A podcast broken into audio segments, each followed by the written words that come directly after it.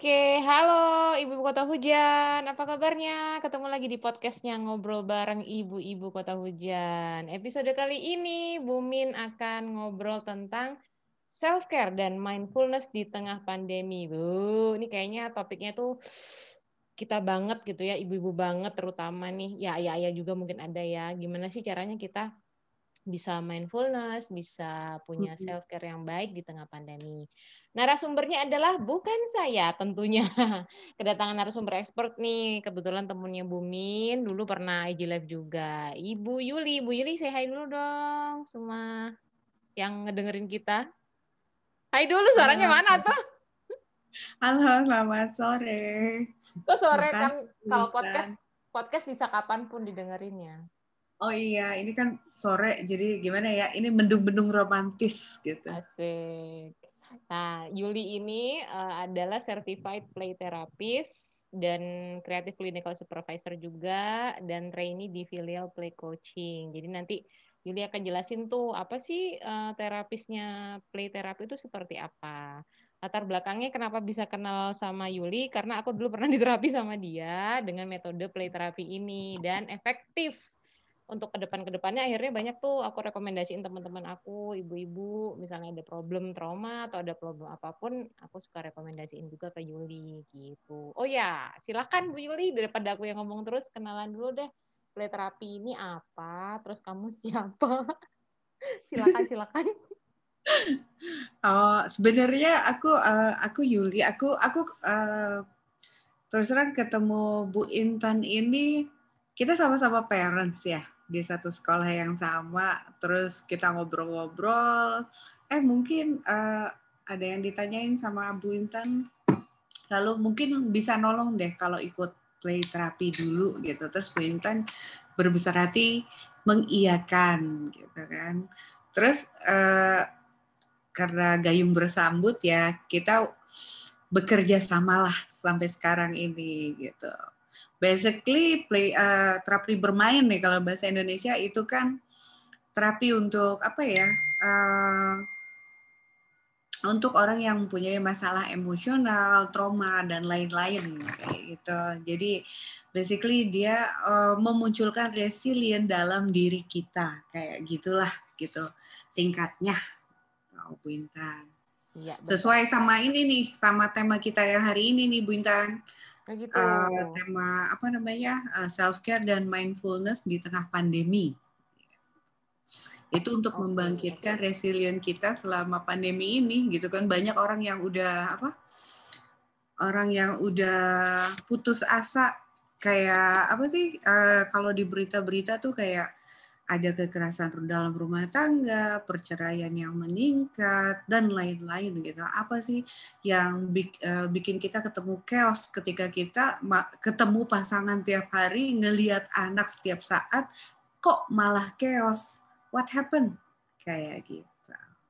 Uh, betul banget sih emang hmm. kasus perceraian, kasus kekerasan hmm. dalam rumah tangga juga tinggi ya Bu ya. Hmm. Baik yang mungkin dulunya potensi udah ada KDRT jadi makin parah, tapi ada yang justru kayaknya awalnya kayaknya nggak apa-apa sih baik-baik aja tahu-tahu pas pandemi kok wah kayak bom waktu Betul. ya kayak meledak gitu keluar semua hmm. tuh hmm. uh, kekerasannya mungkin pertengkarannya gitu makanya aku juga cukup uh, apa prihatin sih beberapa banyak yang curhat hmm. juga kenapa ya di pandemi ini kok kayak dibuka semua gitu kayak oh, ternyata kok pro, apa relationship ini seperti ini gitu baik yang ke pasangan atau mungkin ke anak nah karena kita mau baca eh, bicaranya self care and mindfulness kira-kira kita harus ngapain sih Bu Yul? Iya nih. Kasihlah kami. Kita mulai di slide-nya ini karena aku tulis self care dan mindfulness di tengah pandemi. Jadi gimana sih cara kita menemukan, mendengarkan dan mengenali kebutuhan diri untuk diri sendiri dan keluarga setelah ya kurang lebih 9 bulan ya di tengah pandemi Covid ini.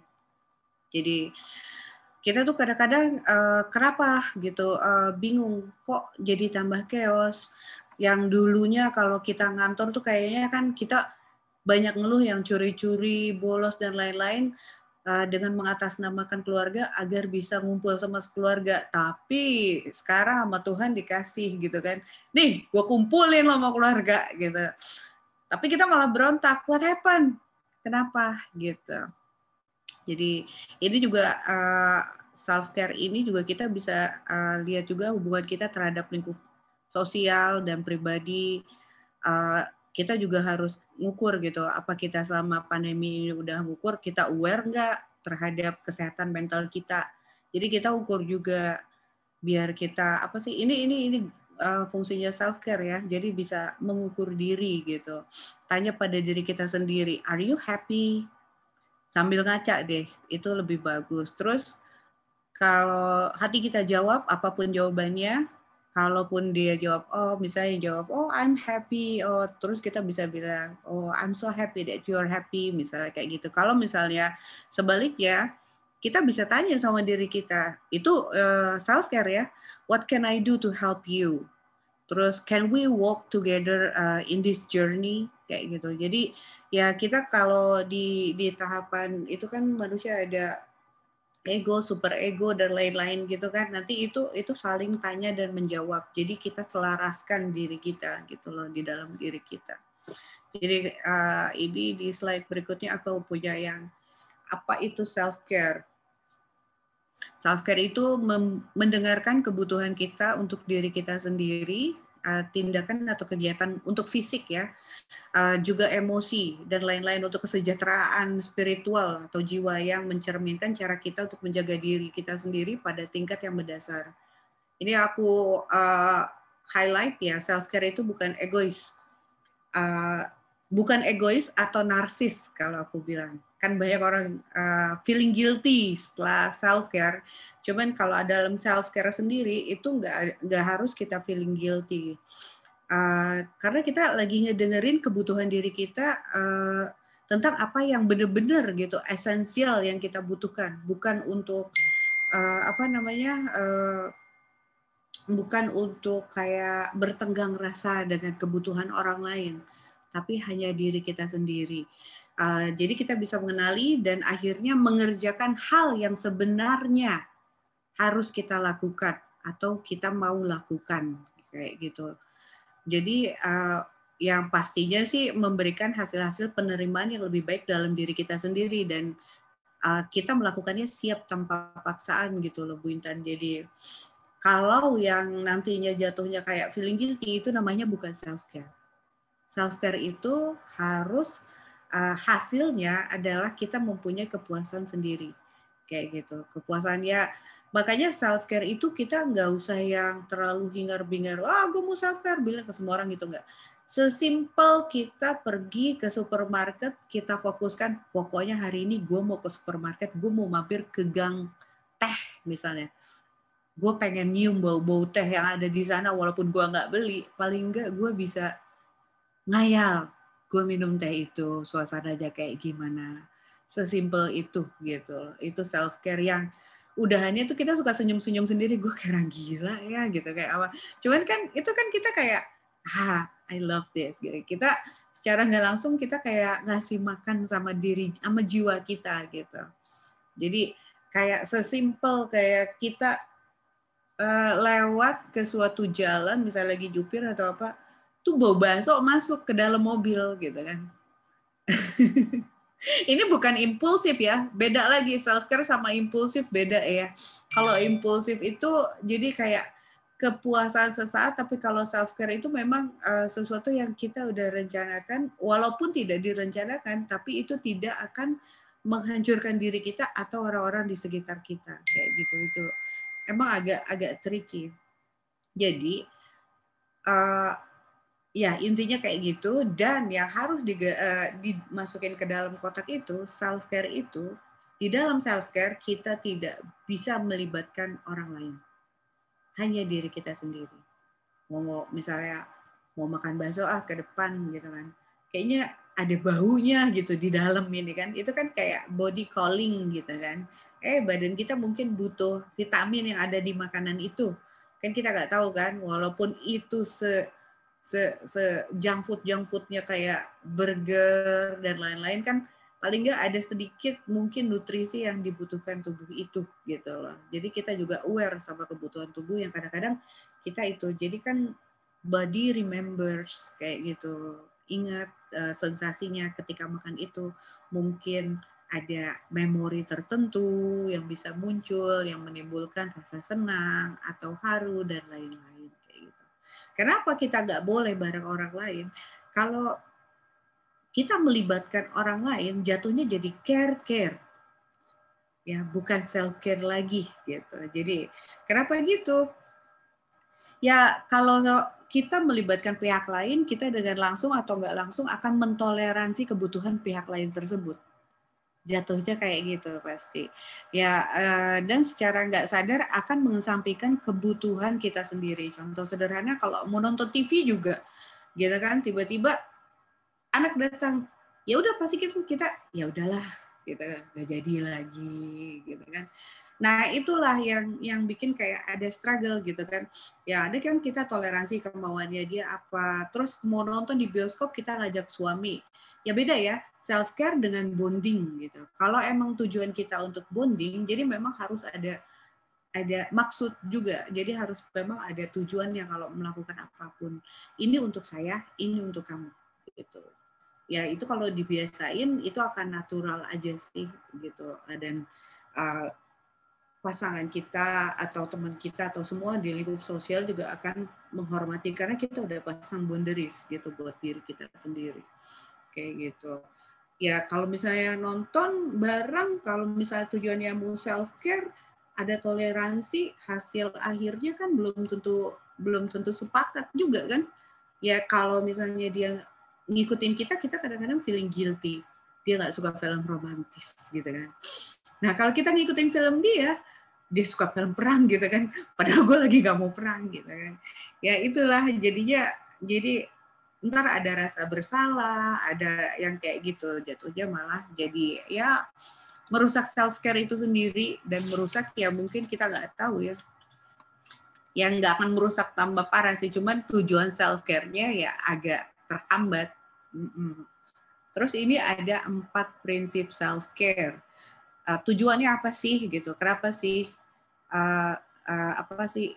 Kenapa sih kita harus self care? Karena berkembang. Ini mengajarkan kita untuk flourishing, berkembang bukan bertahan. Jadi untuk menjadi resilient bukan resistant kayak gitu. Terus ini uh, harus menjadi bagian rutin dalam kehidupan pribadi maupun profe, uh, profesional, intentional terus peduli dengan diri sendiri dan orang lain. Kebaikan yang ditujukan untuk orang lain adalah kebaikan untuk diri sendiri. Itu sudah termasuk self care kayak gitu. Dan integrasi self care dalam praktek sehari-hari bukan sebagai tambahan integrasi.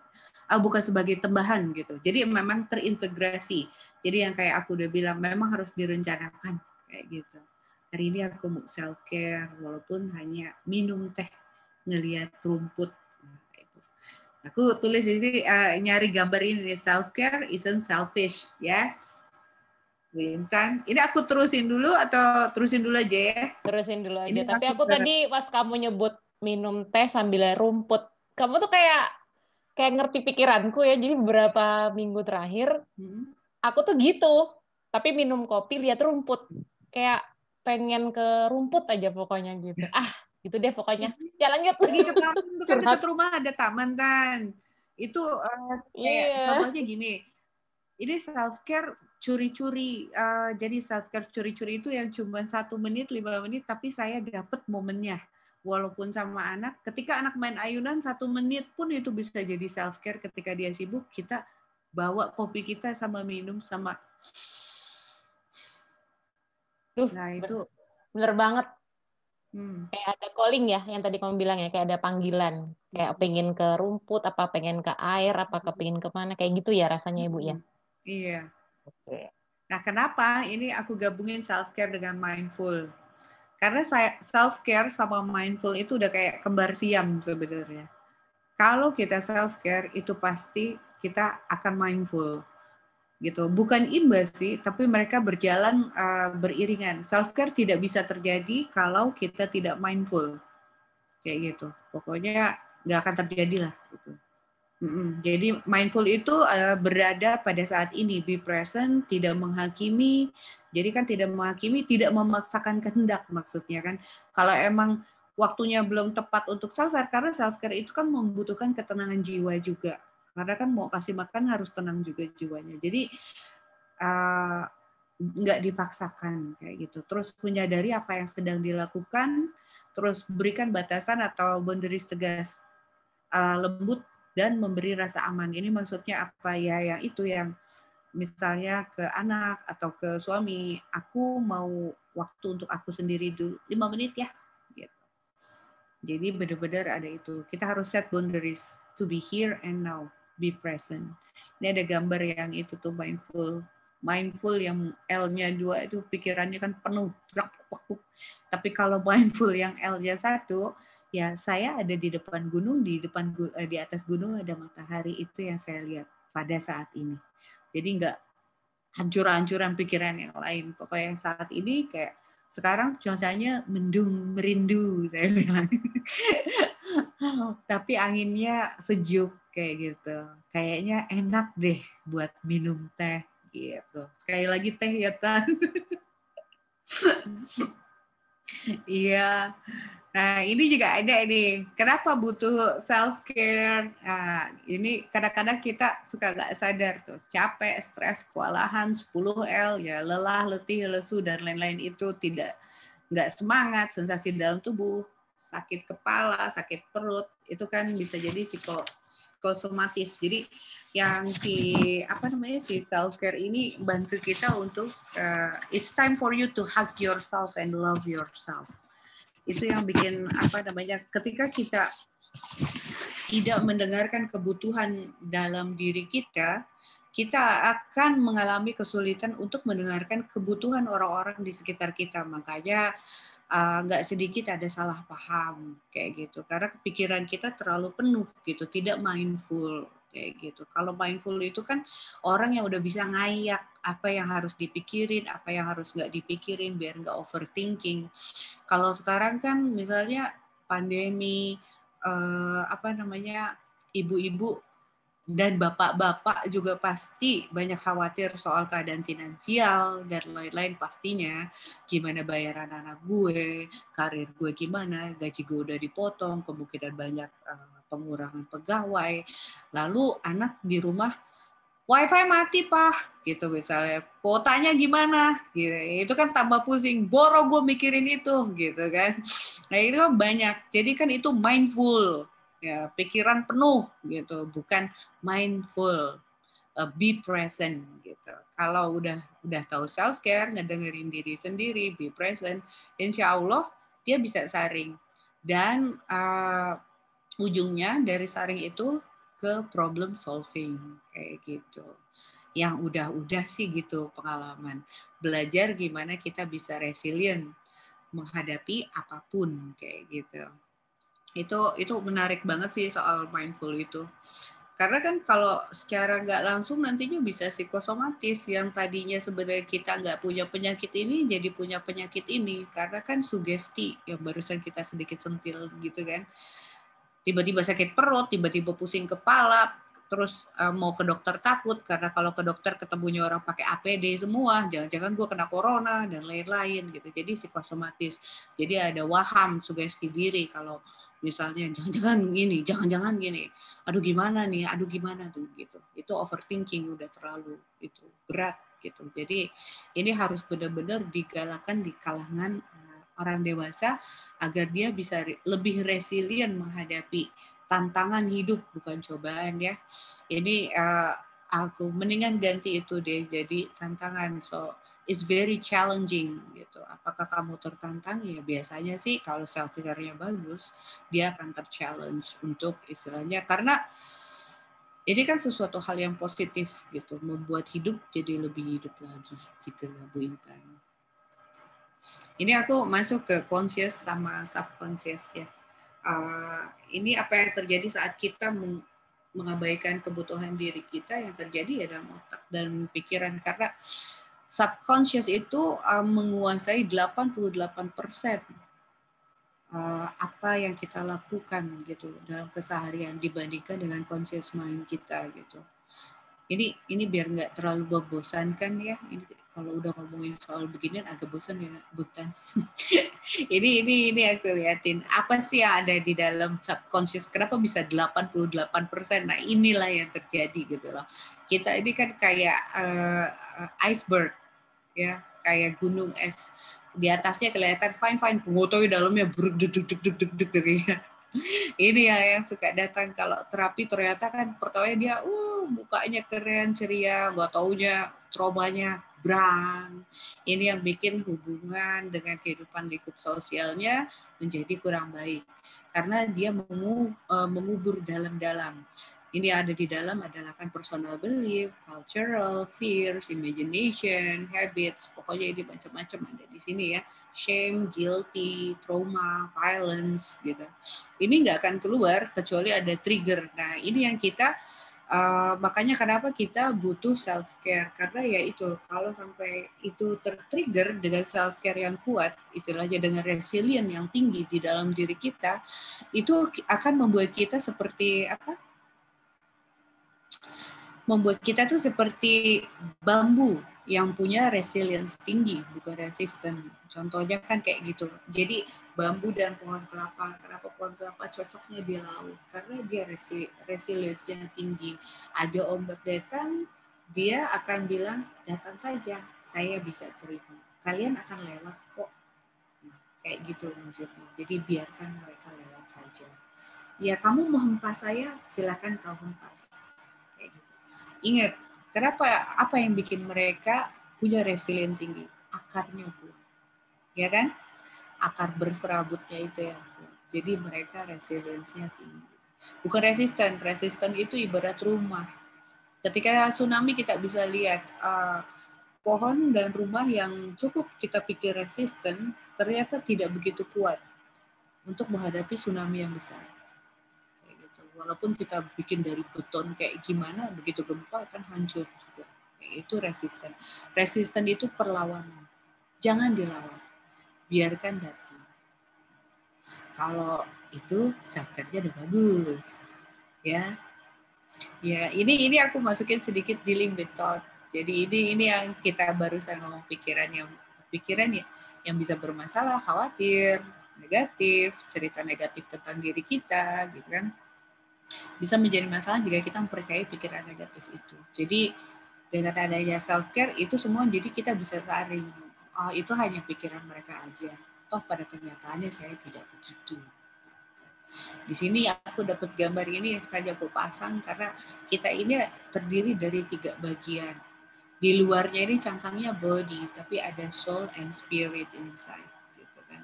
Dia, dia bilang we are spirit, have a soul, and live in the body gitu. Jadi uh, di sini spiritnya itu kan core-nya, meaning purpose to to learn. Personality nanti yang keluar uh, tubuh yang memfungsikan, gitu, difungsikan dari personality. Misalnya orang baik, ya tubuh akan melakukan hal yang baik juga, kayak gitu. Itu kalau self nya udah kuat ya bu. Nah ini manfaatnya, nah, manfaat self care kayaknya ini udah pada itu ya udah pada tahu ya kenapa penting. Nanti uh, kita jadi lebih bahagia lebih alert kayak gitu. Berfungsi dengan baik bisa seimbang. Satu self care juga itu yang yang yang singkat yaitu yang aku kasih di gambar ini self care check in how are you feeling today? What do you need? Itu yang harus kita tanyakan setiap hari pada diri kita. Jangan pernah lupa tanya ke diri kita Nah, kalau kita udah cukup tanya ke diri kita, kita maunya apa, toh uh, kita akan dengan mudah menanyakan hal itu kepada orang-orang di sekitar kita. Kayak di pesawat kan, ya kan? Help yourself first uh, untuk evakuasi, then you can help others, right? Gimana kita bisa bernafas kalau kita nggak pasang tabung oksigen kita, ya kan? Jadi kita harus pasang dulu tabung oksigennya kita. Ini cara self care dan tetap mindful. Nah, buat waktu untuk diri sendiri, berhenti sejenak walaupun hanya lima menit, lakukan hal-hal sederhana untuk kesejahteraan kita. Ya, kalau mau minum kopi, silahkan minum kopi tuh. Ada tulisannya loh. Atau ibu-ibu bisa bikin ini kan banyak nih aku ambil di Pinterest ya. Ini ada Summer Self Care Challenge. Ayo ibu-ibu silahkan dibikin hari pertama, hari kedua, hari ketiga tuh kayak make a list of summer goals tuh kayak sit in the sun and meditate hari kedua nanti checklist satu-satu. Jadi ini bikin untuk fun-fun sendiri aja. Nanti kita bisa lihat gitu loh, seberapa sering eh, kita self care. Kalau misalnya hari ini jangan kalau kelengkap ya tulis aja kelengkap gitu. Nanti kita susul lagi di minggu berikutnya kita ulang mana yang belum pernah kita kerjain kayak gitu. Jadi kita tahu setiap 12 hari ini atau setiap satu minggu ada berapa hari yang bolong. Kayak gitu. Itu menarik banget loh. Ya kan bikin kayak gini ya Bu Intan. Kayak ya, ya ini dia bilang enjoy the pool or sprinkles. Asal enggak write down three nice thing about yourself. See, it's simple, sesimpel itu coba nulis oh, hari ini aku udah melakukan ini loh gitu. Hari ini aku udah begini loh I'm proud of myself gitu. Terus tepuk-tepuk good job gitu. Tepuk-tepuk kepalanya. Yeah you did a good job. You know this is what happened uh, di dalam otak. Ya ini kan ada good feelings come uh, from for special brain chemicals. Nanti ya kita tahu ya kayak dopamin uh, oksitosin, endorfin, uh, endorfin uh, itu itu serotonin itu semuanya jadi aktif lagi. Jadi uh, kita positif lagi gitu loh. Kita positif terhadap diri kita sendiri, otomatis namanya energi positif itu pasti akan nyebar ke orang-orang yang tinggal di dekat kita ketika kita feeling positif, kita bisa share sama orang-orang di sekitar kita. Anak yang tadinya cranky, nggak akan cranky karena kita ada waktu untuk dengerin mereka. Ada apa nak? Oh, terus gimana dong? Kita bisa tanya baik-baik gitu loh. Ke suami juga. Ya, hari ini aku minum dapet teh ini loh gitu. Cobain yuk kita minum bareng. Jadi karena kita ya sudah positif, ya itu pasti kita dengan otomatis ya kalau itu pasti kita akan share dengan orang di sekitar kita karena kita mau mereka merasakan kebahagiaan itu sama-sama ya kan ya? Penting banget. Ini ntar ini bisa dibaca sama Bu Intan ya. Ya dopamin mengeluarkan apa ya kan? Oksitosin mengeluarkan apa. Ini penting banget untuk itu reward system serotonin, membantu regulasi mood tidur. Karena kan kita udah feeling fulfill inside, jadi tidur pun insya Allah jadi nyenyak. Karena kan udah lepas, nggak ada yang dipikirin lagi. Ya istilahnya kun fayakun kan belum bisa sih kalau itu. Uh, jadi itu memang ada tahapnya untuk yang terjadi terjadilah gitu. Saya siap dan saya tahu saya pasti punya jalan keluar kayak gitu. Itu akan muncul dengan sendirinya resilient dalam diri which is very good. Itu bagus banget kalau bisa muncul gitu. Ini juga endorfin juga kan?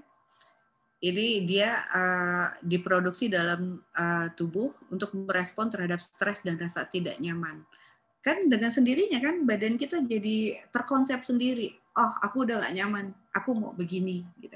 Karena uh, endorfin kita udah aktif jadi dia tahu apa yang harus dilakukan untuk membuat dia tenang lagi, terima lagi kayak gitu. Dia uh, alami aja gitu. Jadi psikosomatis nggak akan muncul, nggak ada yang tiba-tiba, aduh pala aku sakit gitu, nggak denger, nggak denger wifi mati langsung teng pala sakit. Tapi kalau misalnya endorfinnya udah activate, wifi mati, ya udahlah ya, gue keluar aja cari sinyal gitu. Jadi tinggal nggak eh, jadi semuanya nggak bukan masalah gitu loh kayak gitu ini ya, Pak, respon kita yang beda kali ya antara Betul. wifi mati pas nggak ada endorfin sama ada endorfin responnya itu jadi lebih san apa lebih santuy gitu kalau bisa terpenuhi self care-nya. Iya, atau ya bisa aja kayak kalau penting banget ah aku jadi hamba wifi aja di kafe misalnya kayak gitu. Bisa kan? Jadi jadi segala macam dia udah ada jalan keluarnya. Kalau ini mati ya udahlah gue kafe aja ajak laki gue ajak anak gue gini gini gini. Ya, karena kita tahu gitu loh oh, jalan keluarnya dan kita yakin suami kita akan support. Biasanya sih kayak gitu. Kalau itu semuanya udah balance gitu. Ini worth to try. Ini uh, istilahnya bener-bener bagus banget. Kalau misalnya bisa dicoba tuh bagus banget. Kayak gitu. Terus ini ini ini contohnya ya untuk self care ini bikin kolase emosi. Kalau ibu-ibu rajin gitu loh Bu Intan, punya majalah bekas atau apa pun, buku-buku anak-anak dan lain-lain, coba uh, setiap kita ada tulisan di majalah yang kayaknya itu terus keluar, coba digunting. Kita tempelin, gunting, tempelin. Kita satuin. Itu kayak diri kita mau bicara sama diri kita sendiri. Nanti terjadilah sesuatu yang magical kayak gitu. Entah tulisan, gambar, apa pun tentang perasaan kita. Mau istilahnya ya pokoknya apa pun dirasa resonate dengan perasaan dan apa yang dirasa itu boleh digunting kan bagus jadi karya seni juga bisa di frame nantinya atau ketika kita udah istilahnya jadi kita bikin mapping tentang diri kita sendiri gitu loh. Kalau untuk nulis jurnal agak males gitu kan, padahal kan itu disarankan juga. Cuman ini uh, salah satu kayak variasi dari jurnal hidup kita cuman lebih kreatif. Bagus-bagus bisa jadi usaha baru, ya kan? Ada lagi nih kolase emosi gitu ya. Lucu banget iya. bisnisnya. Iya. Uh, ini keren kan? Keren. Ini kan yang uh -uh. orang suka banyak taruh di kafe-kafe kekinian zaman sekarang gitu kan. Lebih bagus lagi itu akan bagus lagi kalau itu dari diri kita sendiri kayak gitu. Nah, ini ini yang harus kita uh, kerjakan ini juga self care. Ini kalau menurut saya self care yang paling penting buat diri saya. Bersyukur. Jadi melatih diri untuk selalu bersyukur apa pun keadaannya dan mengajarkan anak untuk melakukan hal yang sama, tapi tidak paksaan. Anak itu kan akan mencontoh kita sebagai orang tua. Kalau kita menjalankannya tulus dan ikhlas bersyukur, alhamdulillah ya, ada telur hari ini. Kalau enggak kita makan sama nasi doang loh, Nak. Wow, keren kan Bunda, misalnya kayak gitu ya kan? Sangga bersyukur karena telah melakukan hal yang terbaik hari ini. Yes, hari ini aku ngepel. Biasanya aku nggak ngepel. gitu. Kayak gitu. So, apa pun yang kita lakukan, uh, terus bersyukur karena telah diberi kesehatan dan kesempatan. Kayak sekarang aku dikasih kesempatan ngobrol sama Intan kan hari ini kan. Jadi alhamdulillah mudah-mudahan banyak yang itu istilahnya uh, karena mau bagi-bagi ilmu gitu. Banyak ibu-ibu yang kuat-kuat nih ntar abis pandemi ini semua cantik lagi karena orang kalau tahu self care nggak usah botox dan honestly karena dia ya, akan gak glowing. ada kerut-kerut ya, glowing sendiri lah ya. Dia akan glowing ya. sendiri karena yang glowing kan di sininya dia. Jadi auranya akan berbeda gitu. Asik, asik. Asik, insya Allah. Iya gak sih? Dilihat ke diri ya. sendiri. Jadi ketika kita melihat diri sendiri, kita nggak akan melihat kekurangan kita. Yang ada kita lihat adalah karunia Tuhan. Mataku bagus kok, alisku keren kok. Aku nggak butuh sulam alis misalnya kayak gitu. Gitu. Oh. karena kan hmm. udah ada yang bersyukurnya itu loh Bu Intan. Ya, ya alhamdulillah aku punya mata begini daripada orang yang itu kayak gitu. Misalnya atau enggak bukan orang yang itu. Maksudnya daripada aku nggak bisa lihat alhamdulillah aku bisa lihat. Kayak gitu. Itu kan udah bersyukur banget gitu. Ih ternyata bibirku seksi juga ya misalnya kayak gitu. Nggak usah lipstick yang itu itulah gitu. Natural aku lebih cantik biasanya gitu. Insya Allah ya Bu Intan. Itu kayak Bu Intan sekarang kan ceria. Semua merah pipinya. Belum mandi juga ketawa aja pokoknya ya. Nah ini ini dan ini latihan tiap hari. Self care plus mindful ini bisa bikin healthy, happy, peaceful, productive, relax, positive. Ini bagus banget. Jadi worth to try. Aku juga tulis di sini, you are powerful being who is worthy to accomplish what you deserve. Yes, you deserve it. Jadi ini rewards buat kita gitu loh sebagai individu. Rewards kita adalah self care ini. Karena apa yang jadi rewards buat kita itu akan uh, dampaknya akan nyata buat orang-orang yang kita sayang gitu. Karena kita pasti sharing kan, Bu Intan? Pasti dong, kita will share our happiness with family, right? Nah ini loh kuncinya sih untuk sekarang gitu loh. Kebahagiaan yang nggak akan ada di toko. Nah terus ini yang terakhir apa? Ini aku cuma bikin 16 slide. Ini keep growing message-nya. Yes? Ada. Ini 16 eh, slide, hmm. tapi eh, apa compact ya isinya ada semua gitu tentang gimana self care, hmm. gimana tentang mindfulness gitu. Eh, harusnya kita bikin ini webinar yang lebih gede ya ternyata. Nggak apa lah dari podcast apa dari podcast dulu apa, nanti bisa ada yang mungkin sharing session yang lebih ya, banyak gitu kan. Kan ini sharing-sharing ilmu aja tan. Daripada aku keeping keeping mm -hmm. sendiri kan uh, terus ngedengar berita dan ya kebetulan orang terdekat juga gitu kan frustasi dan lain-lain. Kalau telepon bilang ini uh, kita kan cuma bilang ya gimana? Kita kan cuma istilahnya bukannya terima nasib yang penting kita siap aja. Siap itu bukan dari luar harus dari dalam. Gimana nih caranya dari dalam? Nih begini dulu yuk. Beresin dulu yuk kita yuk gitu. Misalnya kita tata lagi yuk gitu. Ini udah terlalu berantakan, udah terlalu penuh otakmu. Saya suka bilang kayak gitu. Yuk kita kita sortir dulu mana yang kira-kira perlu dipikirin, apa yang cuma bumbu doang gitu loh.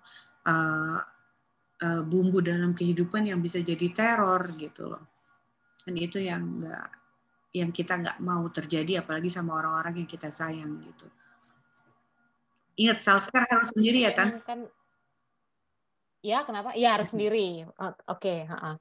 Aku sih kalau aku sharing sedikit pengalamanku pribadi selama pandemi ini, justru spiritual journey-nya agak berbeda gitu Yul. Kalau orang lain mungkin jadi agak ada yang anxiety atau apa. Aku tuh justru kayak menemukan kestabilan dalam kekeosan. Keren gitu. tuh. Wow. jadi walaupun aku belum belum belum nggak berani share sih takutnya ntar mungkin nyinggung orang gak enak kayak ada orang yang punya dengan masalah gitu. Tapi kalau pas aku itu kayak uh, justru aku malah jadi cooling down aku malah jadi lebih kalem kan karena di rumah terus kayak gitu. Justru malah banyak nemuin hal-hal yang oh ini yang ternyata aku suka yang kata aku bilang suka nanya ke diri gitu kan.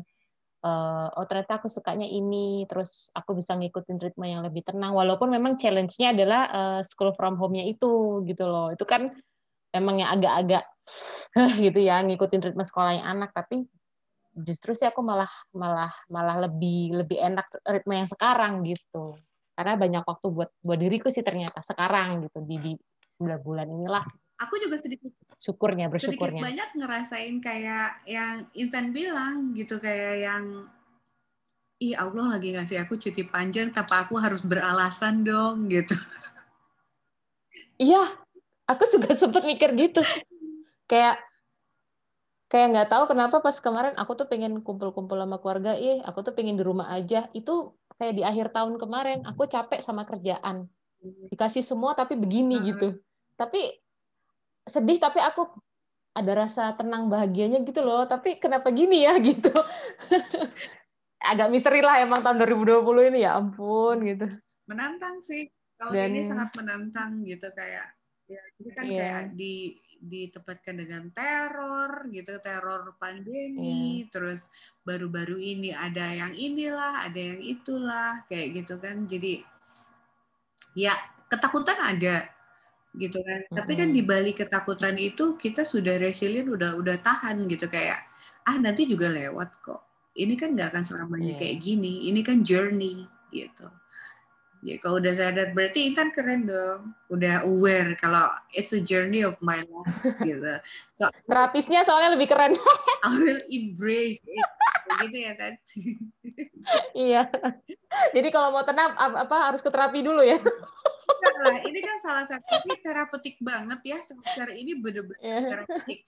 Kayak baru aja baru aja aku barusan ngobrol gitu kan uh, aku seneng uh, ngedengar adikku misalnya aku seneng ngedengar dia sekarang udah posting makanan lagi kemarin hmm. dia soalnya stres mumet kayaknya badannya sakit udah psikosomatis ya jadi kita tuntun uh, cuman teleponan waan pelan-pelan gitu kan kenapa saya bilang seneng kok dia posting makanan kenapa karena masak itu terapeutik buat saya ya. dari mulai dia ya. ngiris apalagi saya ya. bilang ya. Ini dia bikin lumpia loh saya bilang. Lumpia itu ngiris-ngiris sayur terus digulung biar kelihatan cantik. Wow. dia mau ini crispy pakai hati. It's very therapeutic yeah. saya bilang. Dia udah senang nih hatinya. Saya senang. Oh, ya. indikatornya kayak gitu ya sesimpel itu ya. Simpel itu gitu. Karena kan kalau lagi full boro-boro bikin lumpia, bikin masak nasi aja, gue kayaknya kesel banget gitu kan. yang cuma masukin colokin gitu ya. Apalagi iya bener. Iya gitu. Terus nyambung lagi yuk. Aku baking juga lagi banyak ini kayak pengen aja create-create gitu sama anakku sih karena dia juga senang jadi kayak prosesnya enjoy the process aja happy gitu. betul itu bagus itu terapeutik banget kan itu oh, you okay. uh, keep a good job ya kamu melakukan hal yang baik lah gitu untuk diri kamu. Eh keren banget internet. Alhamdulillah ya, nggak ada nggak yeah. sia-sia ya. you. You have to to yourself. nah, balik lagi ke ibu-ibu nih. kenapa kenapa? Puk puk good Oh iya, harus puk puk. Oh, ya, ya puk puk ke kepala sendiri. Iya, dielus-elus lah, bukan digebuk-gebuk gitu kan. Good job. Good job. Nah, kalau buat ibu-ibu nih yang udah terlanjur nih, Bu, gimana? Yang terlanjur udah panik, misalnya kan ada yang teman juga yang panik attack akhirnya, ada anxiety, overthinking, udah udah kayak kelelep-kelelep gitu, apalagi banyak ujian. Startnya gimana sih untuk ya, nerapin ini? Istilah aku tuh kan gak ada terlanjur basah. Hmm. Kalau udah basah, ya nikmatin aja basahnya kayak gitu kasarnya gitu. Di balik basah itu ada sesuatu yang uh, bisa kita pelajari. Hmm. Kayak misalnya, oke okay, ya Allah misalnya, jadi cobaan apa lagi? Karena hidup kita kan tes ya. Setiap ya. hari itu pasti ada ujiannya kan. Kehidupan di dunia itu adalah kehidupan yang penuh perjuangan karena di tesnya gak jelas kapan. Gak dikasih tahu. Bahkan dalam kebahagiaan itu pun kita uh, ada tes.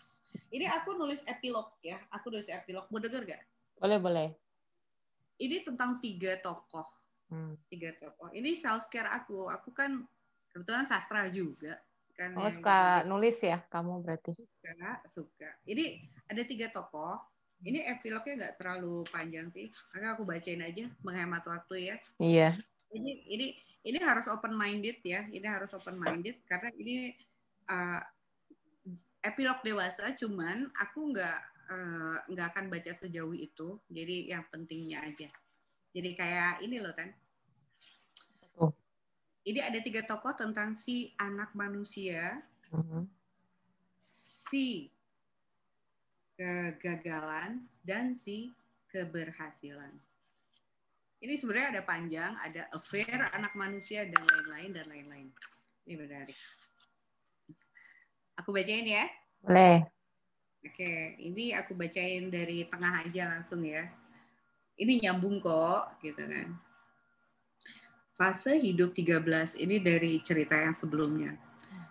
Tiap 13 tahun mengalami kebangkitan dan kematian dalam diri umur 13 tahun, bangkit menjadi remaja yang mulai penasaran tentang hidup. Mulai memberontak, menanyakan segalanya karena lelah menyimpan semua informasi yang dia pendam selama 13 tahun terakhir. Mulai lalu mulai bangkit rasa benci, rasa takut, rasa cinta yang selama ini hanya bingung, sekarang chaos. Membangkang, nilai buruk, Nilai buruk juara kelas itu pun terpuruk karena takdir menginginkan dia merasakan jalur kiri. Hmm. Inilah saat tempaan ilahi dan semesta dimulai. Lalu sangat menggoda dan mengiris uru hati untuk anak manusia bahwa si keberhasilan tampak mudah diraih di depan mata, namun si kegagalan yang tersembunyi lebih menggoda karena dia berhasil menutup auratnya dan hanya menampakkan sedikit secercah penampakan yang lebih menggoda dan merangsang anak manusia untuk mengungkapnya seperti akan mendapat kepuasan dan mencapai kelima. Dengan mengikuti nafsu, anak manusia tertawa. Tersipu malu perlahan menyingkap aurat kegagalan. Dengan lugu, dan polos manusia berharap sesuatu yang nikmat dari kegagalan. Tanpa dilihat dan diamati, dia hanya sibuk menikmati. Dia belum sadar apa yang sedang dia lakukan. Sementara keberhasilan yang tadi ada di depan mata yang begitu ketara, mulai menutup tiranya perlahan. Seolah-olah diberi harapan palsu, hatinya yang tadi berseri, berubah, perlahan menjadi sendu. Sementara anak manusia sibuk dan penasaran menyebab tirai kegagalan yang sangat menggoda dan sangat eksotis. Lalu si keberhasilan mengucapkan ikrar suci yang ikhlas. Dia berjanji, suatu saat jika suatu saat si anak manusia mulai tertarik untuk melihat aku lagi, jika suatu saat si anak manusia mengarah ke sini, aku akan biarkan dia membuka tiraiku lagi. Tetapi aku tidak akan membuatnya mudah. Aku akan membuat dia berusaha. Oh, anak manusia, aku mencintaimu. Hanya saja kau tidak melihat aku. Aku yang begitu sederhana, Aku yang tadinya begitu menarik perhatianmu menjadi tidak menggugah hatimu. Karena kamu begitu tergiur dengan aurat kegagalan yang tersingkap. Hanya tersingkap sedikit saja.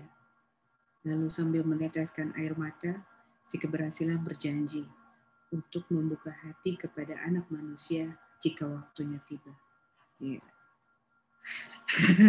Dalam ya kalau anak sastra. Halo. Jadi maksudku gini loh, aku nulis ini kayak mau sharing, ini kayak uh, personal experience. Uh, keberhasilan itu menanti kamu loh, it's waiting for you. Tapi karena si kegagalan begitu menggoda, kita nggak sadar kita lagi digoda. Jadi jangan jangan takut kalau misalnya kita udah terlanjur kecebur atau apa. It's okay. Mungkin itu jalannya kita untuk menuju keberhasilan. Karena dia pasti nunggu kita loh. Dia ada kok selalu di sana. Memang nggak akan mudah tapi aku akan selalu ada di sini dia bilang. Jadi si keberhasilan itu adalah sesuatu yang kadang-kadang kita take it for granted gitu. Karena dia selalu ada di situ jadi dia tidak berkilau. Sementara kegagalan ibarat sesuatu yang eksotis sesuatu yang seksi sesuatu yang kadang kita tuh uh, gimana ya tan? Uh, lebih tergiur gitu. Ya contoh satu hal kayak misalnya ya uh, ini kan perang diri ya, perang diri kegagalan itu kan bisa bermacam-macam kayak kayak saya contohnya gagal olahraga hari ini. Kenapa lu gagal hari ini? Males. ya bukan karena banyak zoom. Tadi kan oh. kan terus Iya, terus akhirnya kan uh, oke okay, oke okay lah satu jam deh ini mau olahraga ya. Makanya kan masih pakai baju begini kan. Ya udah eh nggak tahu ya nasi goreng muncul pas lagi zoom. Oh ya udah makan dulu. Kan habis makan nggak mungkin olahraga dong gitu kan. Udah harus zoom lagi kayak gitu kan. Jadi ya itulah itu sih kegagalan yang menggoda. Cuman itu kan mungkin belum waktunya belum olahraga untuk olahraga nantilah kayak gitu loh kan. Masih ada waktunya Uh, kayak gitu. Jadi ya. untuk yang udah terlanjur kecebur kita balik lagi ya di uh, di di dari epilog yang barusan itu di balik epilog itu itu kayak pas banget ya aku baca di epilog itu soal si orang yang terlanjur ini. Don't worry, you are okay, you are just fine. Asal kita tahu kapan kita harus kembali lagi. Kamu bisa menikmati rasa terperangkap, rasa terlanjur itu, it's okay. You embrace it, you enjoy it until you get the lesson kayak gitu kalau buat saya. Begitupun ya itu yang saya yang saya dapetin ketika saya berkabung. Ya. I will embrace it. Saya nggak akan tutup itu. Saya akan bukan expose ya, itu beda. Saya akan menangis kalau waktunya menangis. Saya akan berbagi emosi saya dengan orang-orang terdekat saya. Saya ingin orang terdekat saya untuk tahu emosi saya. Dan, dan kita sama-sama belajar untuk mengerti kayak gitu lalu kita ambil pelajarannya oh ini loh yang saya dapat nah itu namanya waking up dan uh, itu yang kita bilang you already love yourself then kayak gitu. Mantap. gitu itu iya boundaries boundaries oke okay. apalagi nih bu buat pesan-pesannya buat para pendengarnya podcast kita tentang self care dan uh, mindfulness sebelum ya, kita mengakhiri Itu tadi ya. Itu keep growing because you are a powerful being who is worthy to accomplish what you deserve. Amin. Amin. Oke, karena penutupnya udah indah banget, udah bagus banget. Jadi podcast kali ini, episode kali ini tentang self care dan uh, mindfulness harus kita tutup ya. Nanti kalau panjang-panjang di webinar aja. Mudah-mudahan nih episode kali ini sangat bermanfaat. Jadi um, energi positifnya dari Yuli, dari gue juga itu bisa nyalur ya buat yang ngedengerin ya. ya kan gitu. Biasanya kan bagi bagi bagi bagi bagi. Iya, channeling the energy itu lewat suara, lewat ini gitu. Jadi aku aja sih eh, ngobrol-ngobrol gini aja udah kayak sesi yang spesial nih podcast yang beda. Mudah-mudahan nih energinya nyampe ke yang dengerin nanti podcastnya Ibu Kota Hujan. Amin, amin, mudah-mudahan. Iya, Yuli terima kasih banyak buat waktunya. Kita uh, close record, tapi jangan out dulu ya. gitu. Terima kasih buat yang dengerin semua. Terima kasih Yuli. Kapan-kapan kita ngobrol lagi ya. Bye bye. Ya. ya.